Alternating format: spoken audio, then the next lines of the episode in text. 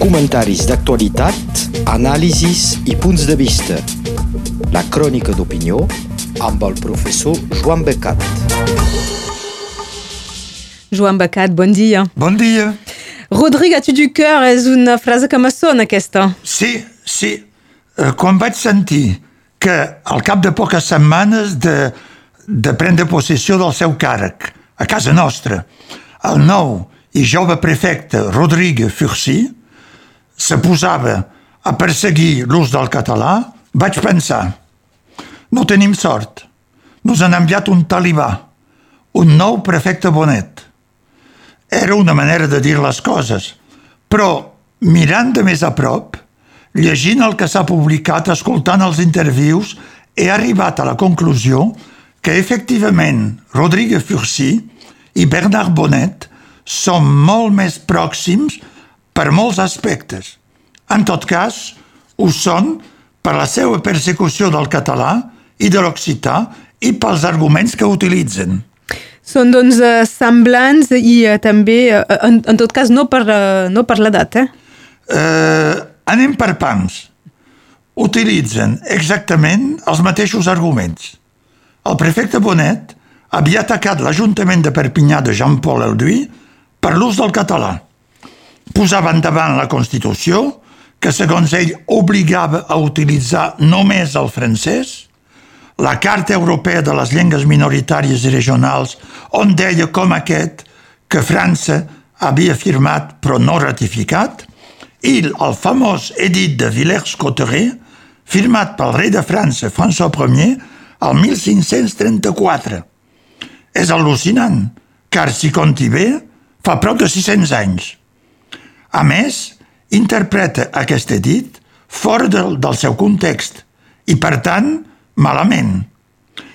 L'edicte anava contra el llatí i deia que volia que s'utilitzessin les llengües maternes franceses. A veure, dins la França actual, que és molt més ample que, que a l'època, hi ha diverses llengües maternes. El francès per un terç del territori, però l'occità, el bretó, el català, l'alsacià, el basc, el cors, el crioll a les Antilles i a les illes franceses de l'oceà Indi, el taïcià de Polinèsia, el canac de Nova Caledònia, etc. Totes són llengües maternes franceses, és a dir, dels francesos, que haurien de ser protegides per l'edit i no perseguides amb una mala interpretació rebuscada. Les semblances de Furcy i de Bonet, eh, com dèiem, s'aturen a l'edat. Furcy és molt jove. És molt jove ara, però D'aquí uns anys menys. el Bonet ho era quan va ser anomenat. D'acord. És un altre punt comú entre els dos prefectes, aquesta edat. Quan va arribar a Perpinyà, el Bernard Bonet tenia 45 anys i acabava de ser prefecte. El Rodrigue Furcy té 42 anys, és gairebé igual, i també ha començat la carrera fa dos anys. Sempre que els dos actuen tant amb pretextes jurídics com per ambició personal. Són dues carreres ràpides, amb un inici als ministeris parisencs i ganes de més promoció. Nosaltres i el català, de fet, sembla pilota amb qui juguen per marcar gols per ells. Rodríguez Furcy eh, és un enarca que va ser cap de gabinet adjunt del president Macron i continua fent els deures. Un dia, veieu, el veurem secretari d'Estat o ministre. Pel prefecte Bonet, sabem com va acabar la cosa. Després de fer-se les dents sobre els indis catalans, l'han enviat contra les tribus de Còrsega. Va malinterpretar la nostra tradició dels focs de la Sant Joan, car va fer fogueres amb les pelotes de platja, corses, al mes d'abril del 1999. Això vol dir que no l'havien acabat de formar bé nosaltres, perquè aquí només fem fogueres pels solsticis d'estiu. Sabem també que va passar a judici i que se va posar a la jubilació d'ofici a 57 anys. Per ell la jubilació no s'ha plantejat. Suposo que des de llavors descansa tranquil·lament al seu sofà, mirant a la tele a la tarda l'inspector Bernabí. A més dels dos prefectes, aquests dos prefectes, van pressionar tots dos els batlles nord-catalans. El prefecte Rodrigo Furcí perquè treguin la seva deliberació a favor de l'ús del català i de l'occità, el prefecte Bonet, amenaçant fins i tot els batlles de suprimir la seva subvenció si utilitzaven el català, fins i tot per escriure festa major. Els dos són atiles moderns. Volen que on passen el català no rebroti. Evidentment, cridi tothom a resistir a aquest nou prefecte catalanicidi. La solució, entre nosaltres, seria que com més aviat possible tingui una promoció dins un departament de llengua d'oïl, l'encetre del francès, on el francès és la llengua regional francesa, que l'edit protegeix. Per tant, efectivament, Furcy i Bonet són Furcy Blanc i Blanc Bonet. Desitgi de tot cor que el nou prefecte se calmi, que aprofiti del clima, de la mar, de la muntanya i de les compres a la Junquera i, sobretot, que s'estimi el país i la seva gent, car ell és aquí per cuidar-se'n, per, afavorir el que fa la seva identitat. Voldria també que fos ell un català d'adopció, com tant altres, i que no deixi el record d'un nou Sagarra. Potser farem la, la sardana al voltant de la prefectura, ho veurem. Què passarà, Joan Becat, amb el recurs? Doncs, mentrestant, el recurs ha estat dipositat. D'aquí uns mesos, eh, si van de pressa, al Tribunal Administratiu, o d'aquí dos anys, si tot és normal, aquest tribunal donarà el seu veredicte, molt possiblement a favor del prefecte. Elna i els altres municipis volen anar després al Consell Constitucional. És una bona idea, perquè estem al mig d'una situació inversemblant.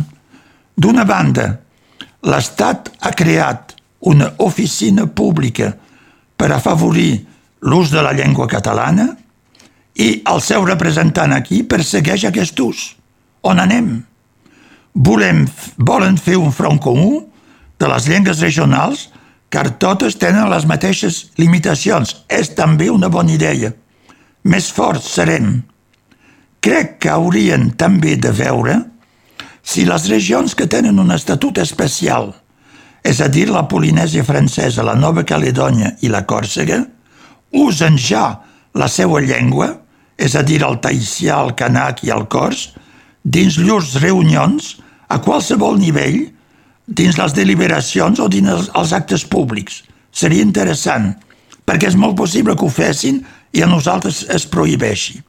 Ara bé, aquestes batalletes prefectorals, aquestes creuades bel·ligerant, m'han fet pensar a la tragèdia del Cid, de Corneia, que potser heu estudiat a classe. M'imagini el president Macron demanant al seu cap de gabinet, abans d'enviar-lo a Perpinyà, com ho feia Don Diego al seu fill Rodrigue, Rodrigue, as-tu du cœur? I ell li respondria, tout autre que mon père l'éprouverait sur l'heure. Llavors, el president li preguntaria, tota la França és afrancesada? I Rodrigue contestaria, no, hi ha uns irreductibles catalans que no es volen catalanitzar. I el president li diria Rodrigue, vés a castigar-los i que quedin definitivament acollonits. És l'adaptació del, del clàssic. Um, Joan Becat, uh, tornem cap a Catalunya. L'11 de setembre i l'1 d'octubre, aquestes dues commemoracions han acabat moguent la, la política catalana. Sí, i més que el que es pensava. La manifestació de la diada de l'11 de setembre ha estat reixida amb molta gent i un ultimàtum als partits dits independentistes per la veu de la presidència de l'ANC, Dolors Feliu. Feu efectiva la independència el 2023 o presentarem una llista cívica per fer-la a les pròximes eleccions. La diada se va fer, recordeu, al mig de pressions i de polèmiques, com mai s'havia vist. Esquerra Republicana i el president de la Generalitat s'hi van oposar, eh, demanant als seus seguidors de no anar-hi. Mai jo havia vist això, a Catalunya o un altre lloc. Imagineu a França el primer ministre o el president posant-se contra la celebració del 14 de juliol, de la festa nacional, o del primer de maig. Després de la diada, va ser sobre el nombre de manifestants la polèmica, sempre per part d'Esquerra Republicana i dels, i dels seus mèdies que controlen i dels comuns a través de l'Ajuntament de Barcelona. Però, malgrat això, perquè la realitat era que va ser un gran èxit i una gran força, l'independentisme del carrer contra els partits polítics que s'han tornat autonomistes. No s'han tornat porucs, perquè ja ho eren fa anys. Dolors Feliu i el seu equip van ser rebuts, malgrat tot, per tothom. Van acabar fent-ho el president aragonès i els tres partits, Esquerra, Junts i la CUP. A tots va dir el mateix i sabeu que s'ho van creure. Car, a partir d'aquí, un incident menor va fer posar foc a la metxa de la dinamita posada per la NC i en una setmana s'improvisa com un teatre de guinyol, on se cerca qui és el bo i qui rebrà les bastonades, sense que hi hagi al davant el fet principal, el procés d'independència plantejat per la NC. En el debat de política general, el president aragonès va tenir la mala idea de proposar de fer un debat sobre la llei de claretat, imitada del Canadà. Així se diu allà. No sé qui li ha venut aquesta idea, perquè tots els partits quebequesos, quebequesos s'hi van posar en contra perquè aquesta llei impedia, de fet, la independència. És el que vol l'aragonès? Junts va replicar amenaçant una moció de censura. Aragonès va fer l'escandalitzat i va destituir el vicepresident Jordi Puigneró per deslleialtat. En va aprofitar. Com que la destitució de la presidenta del Parlament, Laura Boràs, s'havia fet sense gaire onades, podia pensar que passaria igual amb el segon. Hauria doncs tallat el cap dels dos principals líders elegits a Junts i deixar Junts de genolls. Aquesta era l'idea. Junts és amenaçat per la llista cívica de l'ANC, que ara ja fa mesos que la, un, una part de les seues bases demanen una consulta dels militants per votar la seguida del govern. És evident que si Junts no reacciona, els seus votants, no els membres militants, sinó els que voten, aniran cap a la nova llista, ella realment independentista. Després d'un dies d'hesitacions i de declaracions lamentables, Jules, Junts consultarà la seva base dijous i divendres vinent.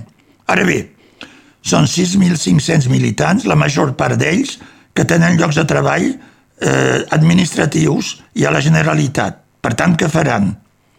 És a dir, que finalment, en només tres setmanes, el govern aragonès és virtualment mort, continuï o no. Per afegir una nova capa de pintura, la manifestació de commemoració dels cinc anys de l'1 d'octubre a la plaça de l'Arc de Triomf de Barcelona, tot un símbol al triomf, ha confirmat l'empenta donada l'11 de setembre. Dolors Feliu, molt aplaudida, altres xiulats i un discurs enèrgic del president Carlos Puigdemont, a través d'una pantalla gegant des de Brussel·les, evidentment. Diu, s'ha acabat el dol per l'1 d'octubre. Avui cal guanyar la independència. I, en el missatge, diu que la Generalitat gestioni Catalunya, que nosaltres ens en cuidarem de l'independència. A quin estem? I ho seguirem, evidentment, les properes setmanes. Moltes gràcies, Joan Becat. Bon dia a totes i a tots. Comentaris d'actualitat, anàlisis i punts de vista. La crònica d'opinió amb el professor Joan Becat.